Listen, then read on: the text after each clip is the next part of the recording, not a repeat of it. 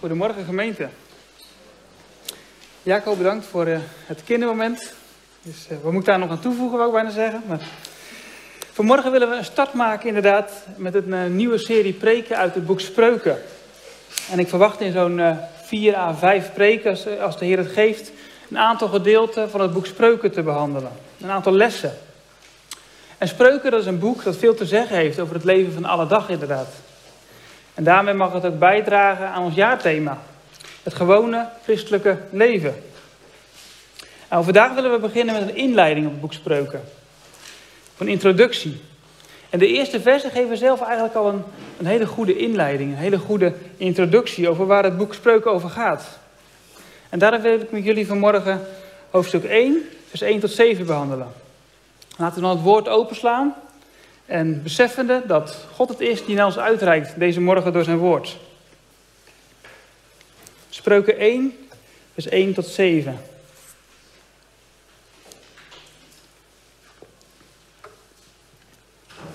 Dan lezen we. De spreuken van Salomo, de zoon van David, de koning van Israël. Om bekend te worden met wijsheid en vermaning, om woorden vol inzicht te begrijpen, om vermaning die inzicht biedt aan te nemen, gerechtigheid, recht en billijkheid, om een onverstandige schranderheid te geven, aan een jonge man kennis en bedachtzaamheid. Wie wijs is, zal horen en inzicht vermeerderen. En wie verstandig is, zal wijze raad verwerven. Om een spreuk en een spreekwoord te begrijpen. Woorden van wijzen en hun raadsels. De vreze des Heer is het beginsel van de kennis. Dwaze verachten wijsheid en vermaning. Nou, aan de hand van ons tekstgedeelte willen we vanmorgen vier punten bespreken. Punt 1 de bron van het boek Spreuken, of de, bron, of, of de bron van de wijsheid, vers 1. Punt 2, het doel van het boek Spreuken, vers 2 en 3. Punt 3, de doelgroep van het boek Spreuken. Aan wie is het boek geschreven? Vers 4 tot en met vers 6. En punt 4, de drempel van het boek Spreuken, vers 7. Laten we beginnen in vers 1. Nou, dat hebben we net al gelezen. De spreuken van Salomo, de zoon van David, de koning van Israël. Nou, allereerst vertelt dit eerste vers van het boek ons op welke wijze God uh, zijn waarheid met ons communiceert. Er staat de spreuken van Salomo. Door middel van spreuken dus. Maar wat is nou precies een spreuk? Vaak wordt al snel de vergelijking gemaakt met een, met een spreekwoord of een gezegde. Tegeltjeswijsheid. En dat is op zich ook niet zo vreemd, want een heel aantal spreekwoorden in de Bijbel, of heel veel aantal spreekwoorden, zijn ontleend aan spreuken uit de Bijbel. Neem bijvoorbeeld hoogmoed komt voor de val. Nou, dat is ontleend aan spreuken 16 vers 18. Of wie een kuil graaft voor de ander, valt er zelf in. Hele bekende. En die lezen we terug in spreuken 26 vers 27. Of met dezelfde maat meten. Spreuken 20 vers 10. En zo zijn er nog een heel aantal te noemen. En tegenwoordig zie je het niet zoveel meer, maar vroeger had, hadden veel mensen in ieder kamertje wel een tegeltje hangen. Een tegeltje met een pakkend spreekwoord of een gezegde. En ook vers 6 in ons tekstgedeelte heeft het over een spreekwoord. Maar ondanks dat ook spreekwoorden en gezegden een bepaalde wijsheid kunnen overbrengen, kunnen we er de spreuken in de Bijbel niet aan gelijkstellen. Een spreuk is niet simpelweg een stukje volkswijsheid of uh, common sense. Het is veel meer dan dat. Want een spreuk communiceert namelijk Gods waarheid met ons, Gods wijsheid. Het omvat Gods wil voor ons leven. En we hebben bijvoorbeeld de wetsteksten in de Bijbel. Uh, absolute grenzen stellen, bepaalde kaders. Geven de spreuken die niet direct. Waar een wet of een gebod onze kader geeft, geeft een spreuk ons een model. Een voorbeeld voor het leven van alle dag. Een spreuk zou je misschien daarom ook het beste kunnen beschrijven als een verbale weergave van een alledaagse zaak. Wat ons dan weer tot voorbeeld wordt gesteld om toe te passen op allerlei gebieden in ons leven. Nou, het Hebreeuwse woord voor spreuken is mashal. Dit betekent ongeveer zoiets als vergelijking of gelijkenis. Net zoals hoe de Heer Jezus door gelijkenissen sprak in de evangeliën, gebruiken ook de spreuken voorbeelden uit het leven van alle dag. Voorbeelden die tot de verbeelding spreken. Wanneer je het leest of hoort, dan zie je het eigenlijk direct voor je. En dat is genade, gemeente. En dat is zien van Gods goedheid. Want Gods wijsheid is namelijk voor ons in beginsel te hoog gegrepen. We kunnen God in het beginsel niet begrijpen met ons beperkte menselijke verstand. En dat lezen we onder andere in de bekende versen uit Romeinen 11, vers 33 en 34. Dat u niet op te zoeken is dat voorlezen. Dat u niet op te zoeken is dat voorlezen. O diepte van oordelen en onnaspeurlijk zijn zijn wegen. Want wie heeft de gedachten van de Heer gekend? Of wie is zijn raadsman geweest? Nou, Gods wijsheid en kennis zijn ondoorgrondelijk. God heeft geen adviseur, geen, geen raadsman nodig, geen onderwijzer. Hij is zelf de enige bron van wijsheid en van kennis. Wiskunde, natuurkunde, filosofie en andere kundes, het, het, het springt allemaal voort uit die bron. Die bron en die bron is God. God zelf is de absolute bron van wijsheid en van kennis. Maar door zijn woord wil God zich aan ons openbaren. Niet in een geheimtaal, niet in een taal die we moeten ontcijferen om de ware betekenis te achterhalen. En er zijn er die de Bijbel zo lezen, maar dat is niet juist. Nee, God reikt naar ons uit door zijn woord. Hij werpt daarbij geen drempels op. Hij komt naar ons toe. Hij gebruikte voor ons herkenbare dingen in het leven, zodat we zouden begrijpen, zodat we zouden mogen proeven van Gods wijsheid en eruit zouden leven. En beseffen we dat nog wanneer we het woord openslaan, thuis of hier in de gemeente? Dat het God is die naar ons uitreikt. Dat het God is die zich aan jou en mij wil openbaren. Ja, God werpt geen drempels op in zijn woord. Maar dat betekent niet dat we Gods woord altijd direct begrijpen. We moeten het wel lezen in de juiste context. We moeten het wel lezen met de juiste bril. Of moeten die misschien afzetten. En daar kan studie voor nodig zijn. Maar in het beginsel is de boodschap van Gods woord voor iedereen toegankelijk. Ongeacht kennis, opleidingsniveau of afkomst. En dat geldt ook in het bijzonder voor het boek Spreuken. Terug naar vers 1. De spreuken van Salomo, zoon van David, de koning van Israël. We hebben het net al gehoord in het kindermoment. Maar de hoofdschrijver van het boek Spreuken, zoals we lezen in vers 1, is inderdaad Salomo. De zoon van David, de koning van Israël. En weten allemaal wie koning Salomo was. Davids zoon en troonopvolger van hem. Sla bij me open. 1 Koningen, hoofdstuk 3.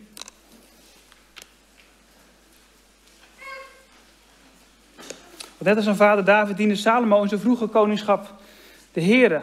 Salomo vroeg God al in zijn jonge jaren om een wijs en verstandig hart. Als we kunnen lezen in 1 Koningen 3, vers 9. God gaf het hem. Nou, dan kunnen we lezen in 1 Koningen 3, vers 12. Daar lezen we: Zie, daarom doe ik overeenkomstig uw woorden. Zie, ik geef u een wijs en een verstandig hart, zodat uw gelijke er voor u niet geweest is en uw gelijke na u niet zal opstaan.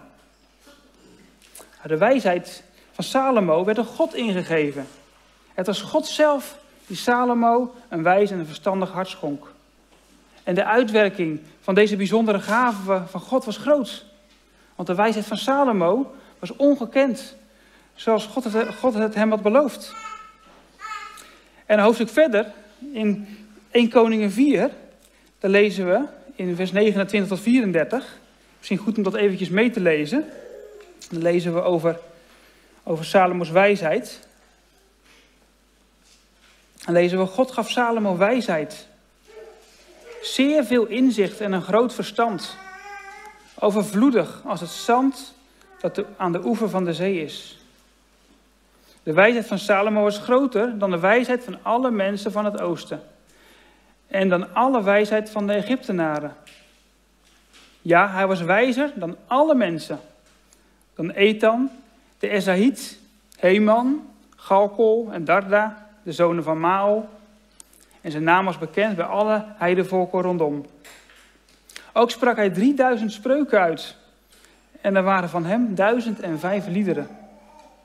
Hij sprak ook over de bomen, van de ceder die op de Libanon groeit, tot de hyssop die uit de muur komt. En hij sprak ook over het vee, over de vogels en over de kruipende dieren en over de vissen. En uit alle volken kwamen er om naar de wijsheid van Salomo te luisteren. Van alle koningen van de aarde die van zijn wijsheid gehoord hadden. Nou, hier staat dat de wijsheid van Salomo de wijsgeleerden van andere volken ver te boven ging. Hij was wijzer dan de Egyptenaren. Wijzer dan de volken van het oosten. En dat waren culturen en beschavingen die, die een, uh, waar een wetenschap was, waar wijsgeleerdheid was, waar het ver ontwikkeld was. En we lezen dat Salomo 3000 spreuken opschreef, 1005 liederen maakte. Waarvan er door Gods bestuur enkel in de Bijbel zijn terechtgekomen. En we lezen ook in vers 33 van het hoofdstuk dat hij een groot interesse had in de schepping om hem heen. Dat hij de planten, de bomen en de dieren bestudeerde en beschreef. Salomo was een man die de wereld om, heen wilde, om zich heen wilde begrijpen. Om daarin ten diepste God te vinden. Hij leerde om God te vrezen. Salomo werd een wijs man door Gods gave. Want God zelf was de bron van Salomo's wijsheid. En de uitwerking van deze bijzondere gave van God was groot.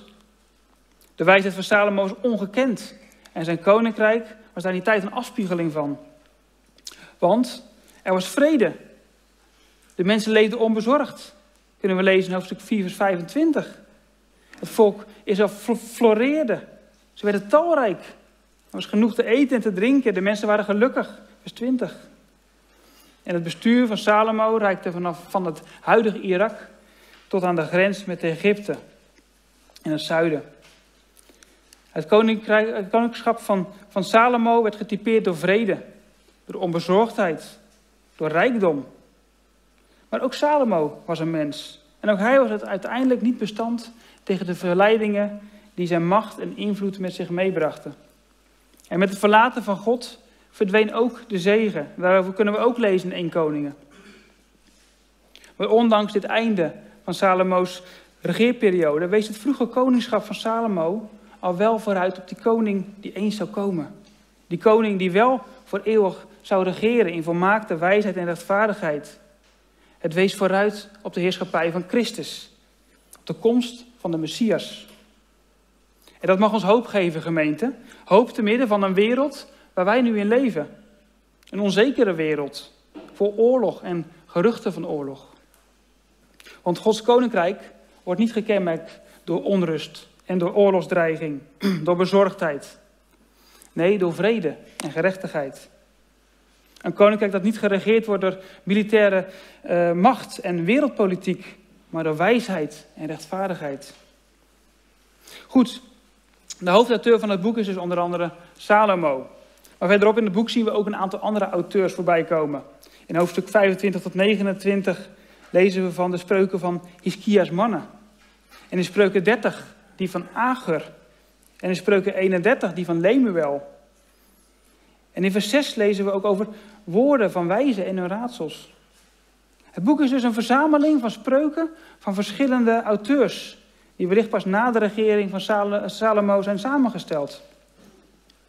Uiteindelijk was het, maar uiteindelijk was het God die mensen inspireerde en wijsheid schonk, zodat wij hieruit zouden leven. God zelf is de auteur. Hij is de bron van alle wijsheid. Goed, we zijn aangekomen bij punt 2. Het doel van het boek Spreuken. En we lezen verder in ons tekstgedeelte. Spreuken 1, vers 2 en 3.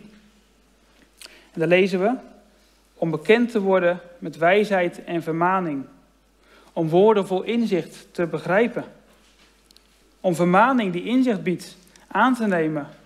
Gerechtigheid, recht en billijkheid. Nou, bekend te worden met wijsheid en vermaning. Een doel van het boek Spreuken is dus om bekend te worden met wijsheid. Maar wat betekent dat? Wat is nou wijsheid? Nou, wijsheid is niet iets wat we leren uit een studieboek. Wijsheid is niet slechts kennis of intelligentie. Want iemand met een hoog IQ kan nog steeds zeer dwaas handelen. Je kunt alles theoretisch, of zelfs, zelfs je kan alles goed op een rijtje hebben, maar dan alsnog dwaas handelen. Want wijsheid heeft alles te maken met de praktijk. Wijsheid, wijsheid is praktisch, gemeente. Wijsheid wordt pas bewezen in hoe we handelen. Hoe we omgaan met de zaken die we tegenkomen in het leven. Het Hebreeuwse woord voor vermaning in vers 2 kan ook vertaald worden als instructie of lessen. En wijsheid komt dan ook niet vanzelf. We hebben instructie nodig. Wanneer we ons rijbewijs halen, dan moeten we in, de, in Nederland slagen voor twee onderdelen. Eerst doen we uh, een examen uh, vanuit een boek. En toen ik zelf een jaar of dertien geleden mijn examen moest halen, toen kreeg je foto's, foto's, kreeg je foto's te zien van situaties op de weg. Daar kreeg je dan een vraag over. En je moest dan inschatten en overwegen hoe je dan zou moeten handelen. Maar met het behalen van, van ons examen zijn we er nog niet. We hebben namelijk nog niet geleerd om, eh, om onszelf op de weg te begeven. En volgen nog vele uren achter het stuur. Waar, waarbij we les krijgen van een uh, instructeur. Hoe we moeten handelen in het verkeer. Want we hebben misschien uh, ons theorie-examen al behaald. We hebben de plaatjes van verkeerssituaties in ons hoofd.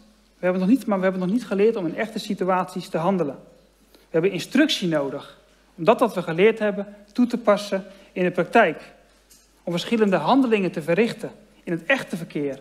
Om juist te reageren op dat wat we tegenkomen op de weg. En ik weet niet hoe het of jou afging bij het behalen van het rijbewijs. Maar mijn instructeur gaf me nog wel eens een uh, vermaning. Als ik per ongeluk in tegengestelde richting op een uh, busbaan reed bijvoorbeeld. Dan uh, duwde hij zo hard op zijn tweede rempedaal dat het merk van de lesauto bijna op mijn voorhoofd al was af te lezen. Maar dat was ook zijn werk. Dat was zijn doelstelling. Om mij in staat te stellen straks veilig de weg op te gaan. En dit proces is eigenlijk een heel mooi beeld van dat waar het boek Spreuken over gaat. Die praktijksituaties die voorgelegd werden bij het theorie-examen zou je kunnen vergelijken met de spreuken.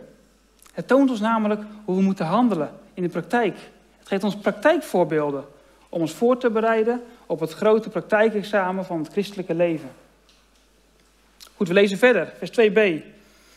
Om woorden vol inzicht te begrijpen. En daaraan parallel lezen we ook vers 6a. Om een spreuk en een spreekwoord te begrijpen. Het woord begrijpen moeten we hier lezen als een onderscheiden. Leren om wijsheid te onderscheiden van dwaasheid. Om rechtvaardige, goede zaken te onderscheiden van dat wat onrechtvaardig en slecht is. Dat het van God komt, te onderscheiden wat dat van, van dat wat van de wereld is en van Satan is.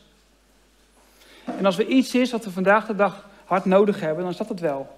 Onderscheidingsvermogen. Want het is namelijk wel eens slecht gesteld met het onderscheidingsvermogen van veel christenen vandaag de dag. Mensen lopen van de ene leraar achter de andere aan. En geloven alles wat goed en mooi in de oren klinkt. Er wordt niet meer getoetst aan Gods woord. De onderscheiding gaat nog verder, want iets kan theologisch helemaal kloppen. Is er misschien geen spel tussen te krijgen, maar de praktijk laat iets anders zien. Wordt de waarheid gebruikt om elkaar mee om de oren te slaan bijvoorbeeld, in plaats van een liefde op te bouwen? Of worden er bepaalde bedieningen en grote namen op een voetstuk geplaatst, in plaats van God en zijn eer? Als er iets is wat we nodig hebben om het normale christelijke leven in 2022 te leven, dan is dat wel onderscheidingsvermogen. Het begrijpen en het wegen van de dingen die we horen en die we zien. En wanneer we het boek Spreuken lezen, dan komen we ook veel teksten tegen die het dwaze van het wijze onderscheiden. Het goede van het slechte.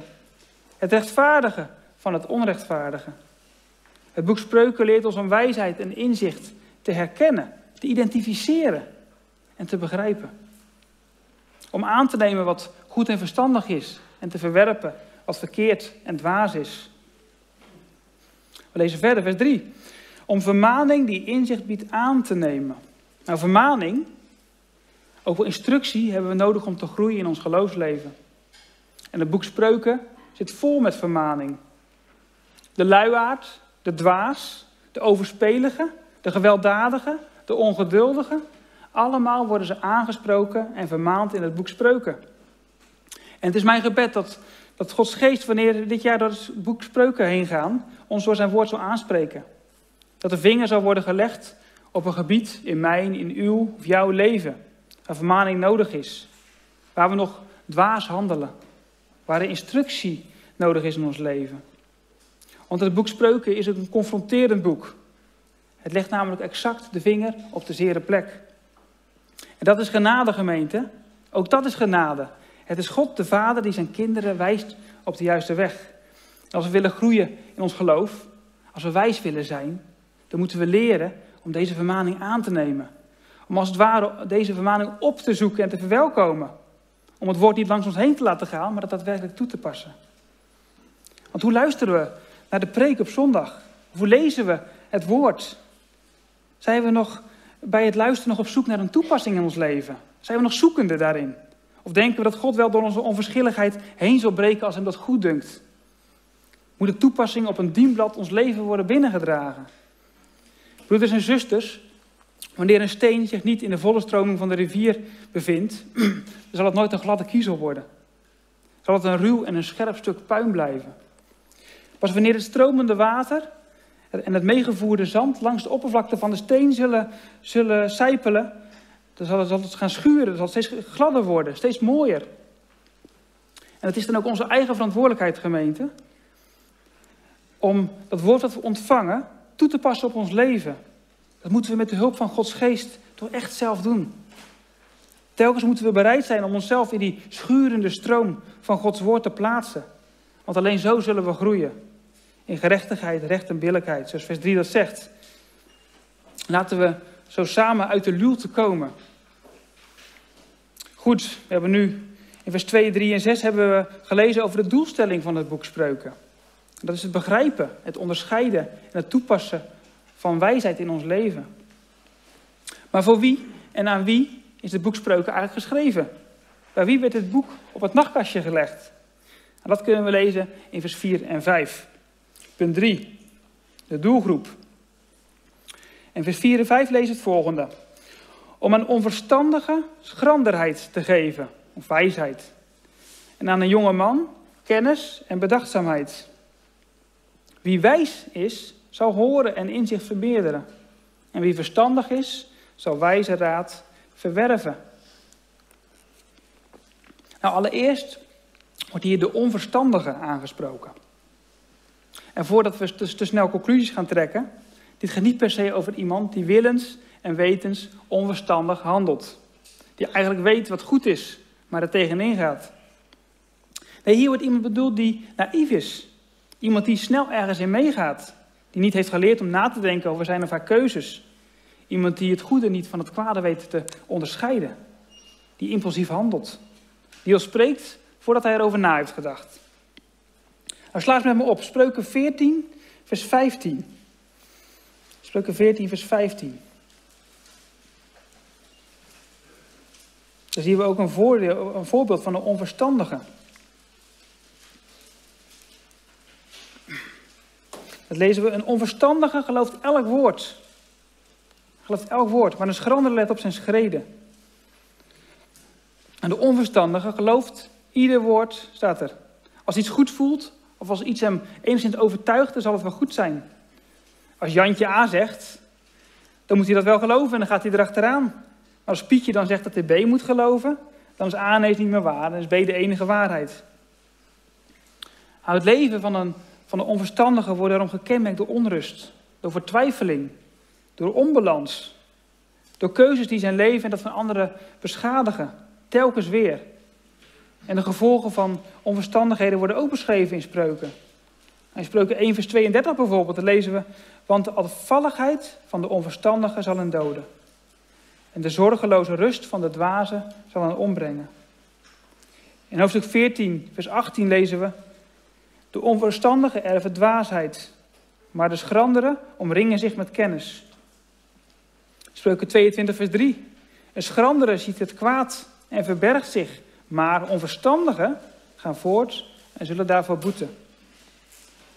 En het kan zijn dat, dat u, dat jij, dat ik moet erkennen dat ons leven soms gekenmerkt wordt door onverstandigheid. En ergens denk ik dat een ieder van ons zich aangesproken zou, zou moeten voelen. Want hoe onverstandig zijn we vaak niet.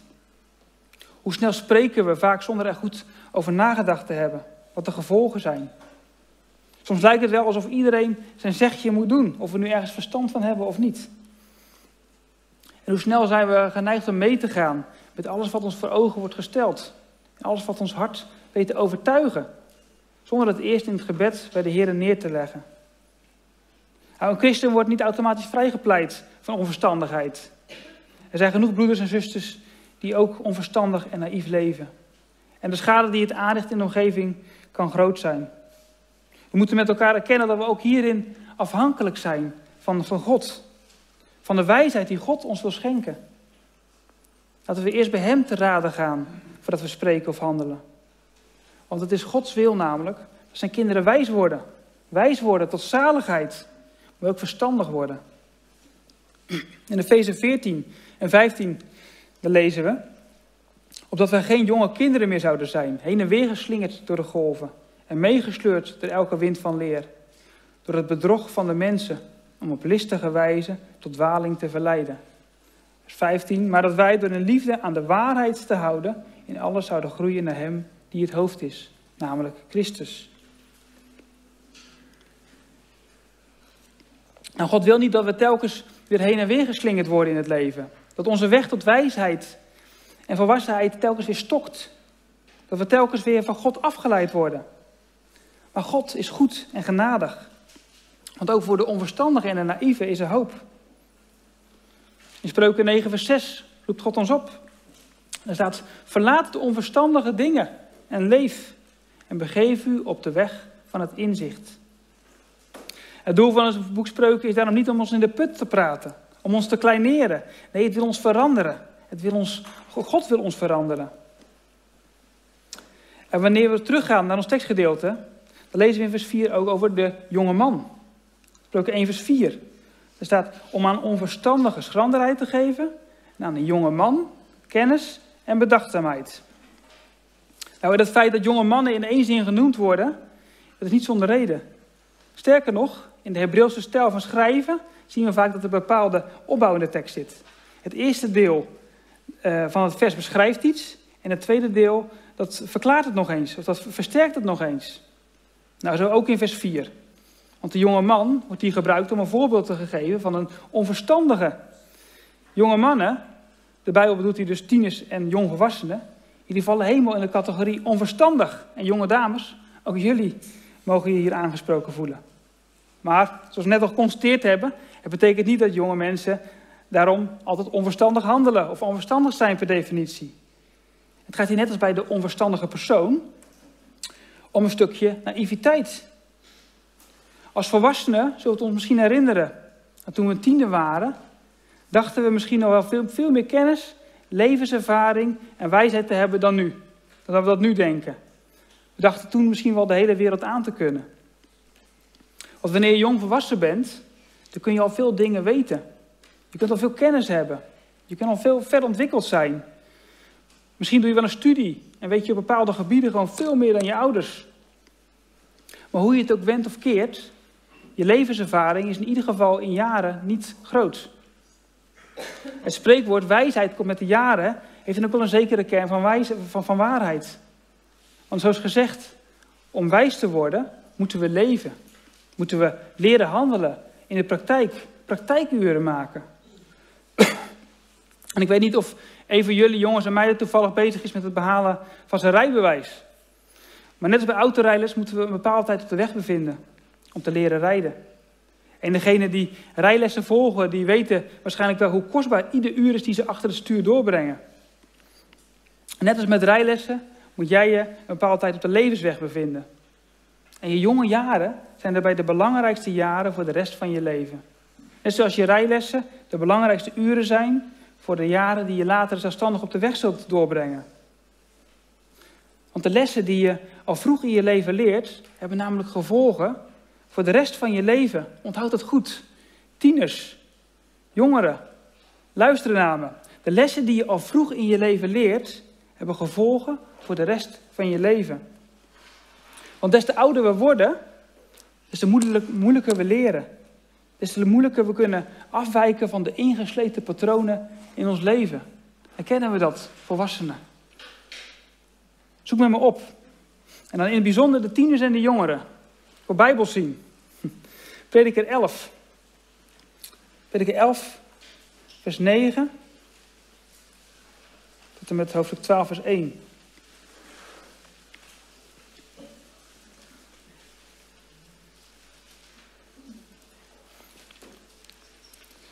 Daar lezen we: Verblijd u, jonge man, in uw jeugd. En laat uw hart vrolijk zijn in de dagen van uw jeugd. Ga in de wegen van uw hart. En volg wat uw ogen zien. Maar weet dat God u over dit alles in het gericht zal brengen. Weer dus de vrevel uit uw hart. En doe het kwade weg uit uw lichaam. De jeugd en jonge jaren zijn immers een zucht. Denk aan de schepper in de dagen van uw jeugd voordat de kwade dagen komen en de jaren naderen. Waarvan u zult zeggen, ik vind er geen vreugde in. Het voert voor nu even te ver gezien de tijd om deze tekst uit te gaan splijten. Maar de strekking is duidelijk. Wat de tekst hier zegt, jonge meisje, verspil je tijd niet. Verspil je jeugd niet. Verspil je leven niet. Bedenk dat deze tijd voorbij is voordat je het weet. Want de Bijbel beschrijft het hier ook als een, als een zucht. Ja, geniet van deze zorgeloze tijd waarin je mag genieten van alles wat God gegeven heeft. Maar gebruik deze tijd ook om God te zoeken, om Hem te leren kennen, om wijs te worden, om lessen te leren die je tot een verstandig en een gelukkig mens zullen maken. God wil jouw karakter vormen, wil jou een diep en een wijs karakter geven, die jou zullen vormen als mens. En daarom, tieners, jongvolwassenen, is het boek Spreuken in het bijzonder voor jullie geschreven. Het zal je helpen om het leven te begrijpen, om wijs te worden, om juist te handelen.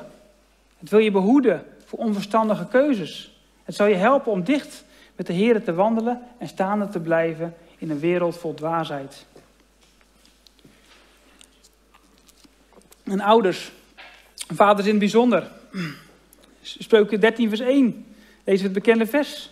Een wijze zoon luistert naar de vermaningen van zijn vader. Maar Geven we vermaning en instructie? Wat houdt ons tegen om met onze zoons of dochters door het boek Spreuken te gaan? Om bijvoorbeeld iedere avond één of enkele spreuken te lezen en uit te leggen. Om onze kinderen te vertellen wat een leven met de Heer inhoudt. Over fouten die we vroeger zelf hebben gemaakt. En waarom onze kinderen niet dezelfde fouten weer opnieuw hoeven te maken.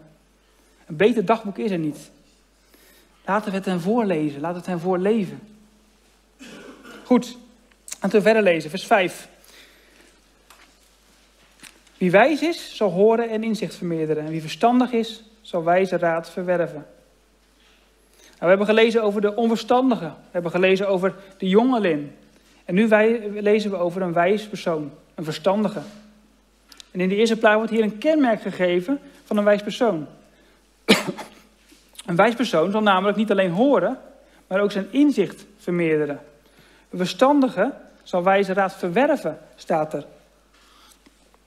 Nou, een wijs en een verstandig persoon hoort dus niet alleen maar, maar het doet er ook iets mee. Er blijft iets hangen. We hebben het net gezien, we hebben net die spons gezien. Hij neemt het op als een spons.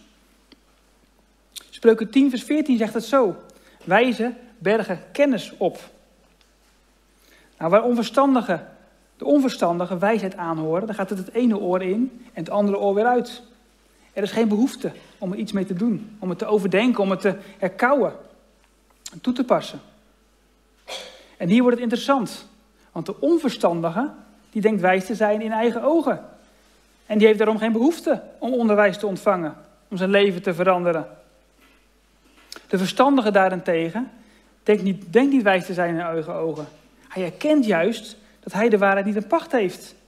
Dat niet hij, maar God, de Vader, de bron van alle kennis en wijsheid is. En daarom staat hij open voor onderwijs en instructie. Net als zoals een soldaat paraat staat en wacht op een bevel, zo is de houding van een wijs persoon ten opzichte van de wijsheid en kennis en ten opzichte van Gods woord. Een kenmerk van een wijze is dat ze nooit uitgeleerd zijn, ze nooit gearriveerd zijn, nooit gesloten zijn voor nieuwe inzichten. En Spreuken 9 vers 9 zegt het, zegt, het, zegt het mooi. Geef onderricht aan een wijze en hij zal nog wijzer worden. Broeder en zuster, sta jij nog open voor Gods sturing in je leven door zijn woord en geest? Hoe is je houding ten opzichte van dat woord? Ten opzichte van de preek, ten opzichte van andere broeders en zusters? Staan we nog wel open voor nieuwe inzichten over onszelf? Hoe kijken we eigenlijk naar onszelf? Mogen er nog gebieden in ons leven worden aangewezen die eigenlijk onverstandig zijn, niet in lijn zijn met Gods wil? Of is alles in kan en kruiken? Of er eigenlijk niet zoveel veranderd te worden? Denkt u alle preken wel eens een beetje gehoord te hebben? En alle boeken wel een beetje gelezen? Wie vertelt u nog iets nieuws? Nou, wanneer we zo denken, dan bedriegen we onszelf. Gods woord noemt ons dan dwazen. In vers 7b, in ons tekstgedeelte, lezen we namelijk over het tegenbeeld van vers 5. Dwazen, verachten, wijsheid en vermaning. En we hadden zojuist al enkele gevolgen van de onverstandigheid en dwaasheid gelezen. Het perspectief is een onvruchtbaar leven. Een leven waarin geen groei is, maar achteruitgang in het geloof. Want laten we namelijk niet de illusie hebben dat wanneer wij Gods woord naast ons neerleggen, we alleen maar zullen stilstaan in het geloof. Een soort pauze, een soort parkeerplek. Nee, we zullen achteruit gaan. Want de versnellingsbak van het normale christelijke leven kent geen parkeerstand en kent geen neutraal, geen stationair. Het kent alleen een vooruit en een achteruit. Laten we daarom telkens, wanneer God aan ons uitreikt, handelen zoals die wijze en verstandig, in vers 5. Laten we horen en inzicht vermeerderen. Wijze raad vermeerderen. Dat is inzicht over God, over onszelf en over Gods raad van ons leven. Goed, we hebben nu als het ware de doelgroep van het boek Spreuken besproken in vers 4 en 5. We lazen daarover de onverstandige, over de jonge man of de jonge dame. En we lazen over de verstandige of de wijze. Nou, kort samengevat vallen dus eigenlijk allemaal in de doelgroep. Iedereen wordt door het boek Spreuken aangesproken. En wanneer we dit jaar vaker stil te staan bij een les uit het boek Spreuken, dan is het bij mijn gebed dat er niemand wel zal horen, maar het weer in de wind zal slaan. Want we hebben het nodig om wijs te worden, gemeente. Als individu, maar ook gezamenlijk als gemeente. Om staande te blijven in een tijd en een wereld waarin hard wordt getrokken aan de gemeente. In Efeze 15 en 16 daar lezen we: Let er dan op dat u nauwgezet wandelt. Niet als dwazen, maar als wijzen. En buiten geschikte tijd uit, omdat de dagen vol kwaad zijn. De wereld om ons heen verandert in een rap tempo. En telkens weer komen er nieuwe, moeilijke vragen op ons af. Telkens weer moeten we positie kiezen op nieuwe terreinen. Vraagstukken en terreinen waar we niet eerder mee te maken hadden. En juist dan, juist dan komt het aan op wijsheid en inzicht, gemeente. Dan komt het aan op ons kennen van God en zijn woord en zijn wijsheid, die, dat in ons leven heeft uitgewerkt. Laten we zo de geschikte tijd uitbuiten. Punt 4. De drempel. We hebben vanmorgen de introductie van het boek Spreuken behandeld. We hebben gelezen over de schrijver, over het doel en over de doelgroep van het boek. Nu zijn we voorbij de introductie en staan we voor de drempel van het boek. Met vers 7 staan we als ware voor de drempel van de kennis en de wijsheid. Laten we samen de drempel overstappen. We lezen verder. Het laatste vers, vers 7. De vrezen des Heren is het beginsel van de kennis. Nou, dit vers leert ons dat er een begin is als het gaat om wijsheid en kennis. Een beginsel staat er. En bij alles wat we willen leren is er een begin. Bij het leren spelen van een instrument bijvoorbeeld, beginnen we met een aantal eenvoudige noten of akkoorden. Maar voordat we spelen zoals een Bach of een Hendel, dan zijn we als we ooit zo ver komen tenminste, en heel wat jaren verder. En zo is ook de vrezen des Heren. Het is een begin van een wijs en een verstandig leven. En in de eerste plaats moeten we de Heer leren kennen. We moeten de Heer Jezus kennen als onze verlosser en zaligmaker. Dat is het begin. We moeten begrijpen en inzien dat we zondag voor Hem staan. Dat we genade nodig hebben. Dat er geloof en bekering nodig is. En misschien staat u, sta jij wel voor die drempel. Ben je zoekende. Zoekende naar de waarheid. Maar durf je nog niet die drempel over te stappen. Wel, wanneer je zoekt naar de waarheid in je leven, in jezelf en in de wereld om je heen, dan zul je daarin zeker falen. Want God alleen is de bron van alle wijsheid en waarheid. En, en jouw grootste behoefte is daarom niet om meer kennis of informatie. Jouw grootste nood en behoefte is een relatie. Een relatie met de Heer Jezus Christus. de zaligmaker. Want God was ons dwaze mensen genadig. Hij gaf ons zijn zoon. Jezus Christus stierf op Golgotha. Voor wie? Voor wijzen? Nee, voor dwazen, zoals jij en ik. Die niet inzagen dat hij de enige weg tot de zaligheid was. Dat hij de waarheid is. Dat er bij hem leven te vinden is. En hij zegt ook vandaag tot u, tot jou. Kom tot mij. Ik ben de weg, de waarheid en het leven. Niemand komt tot de Vader dan door mij. Gemeente, we moeten begrijpen dat er maar één weg is. Dat we in alles van God afhankelijk zijn. Dat ons leven, ons bestaan, onze gedachten, onze kennis en onze wijsheid verankerd ligt in Hem en niet in onszelf of in anderen. En dat betekent dat we niet langer bij onszelf naar binnen kijken, bij onszelf op zoek gaan naar wijsheid en waarheid, want daar vinden we het niet. Willen we groeien in ons geloofgemeente, in wijsheid en in kennis, dan moeten we de drempel overstappen, zoals vers 7 ons dat leert. We moeten de Here leren vrezen. En dat, wat betekent dat? Nou, dat betekent opzien naar Hem. Onder de indruk raken van Zijn wijsheid en almacht. Onder de indruk maken van Zijn liefde en genade. Van Zijn rechtvaardigheid en trouw. En wanneer we de Heer vrezen, wanneer we werkelijk onder de indruk zijn van wie Hij is, zullen we er meer en meer naar verlangen. Naar een wijs en een verstandig leven. Naar een wijs en verstandig te worden. Steeds meer verlangen om toe te groeien naar het beeld van Jezus Christus. Ik wil afsluiten met het lezen van Jacobus 1, vers 5. En daar lezen we. En als iemand van u in wijsheid tekortschiet, laat hij die dan vragen aan God, die aan ieder overvloedig geeft en geen verwijten maakt. En ze zal hem gegeven worden. Wie we ook zijn, misschien wijs, misschien dwaas. De Heer schenkt wijsheid aan allen, zonder verwijten zodat we een vruchtbaar en een vreugdevol leven mogen leven, tot zijn eer en glorie. Laten we dan net als Salomo de Heer vragen om een wijs en een verstandig hart. En hij zal het ons geven. Amen.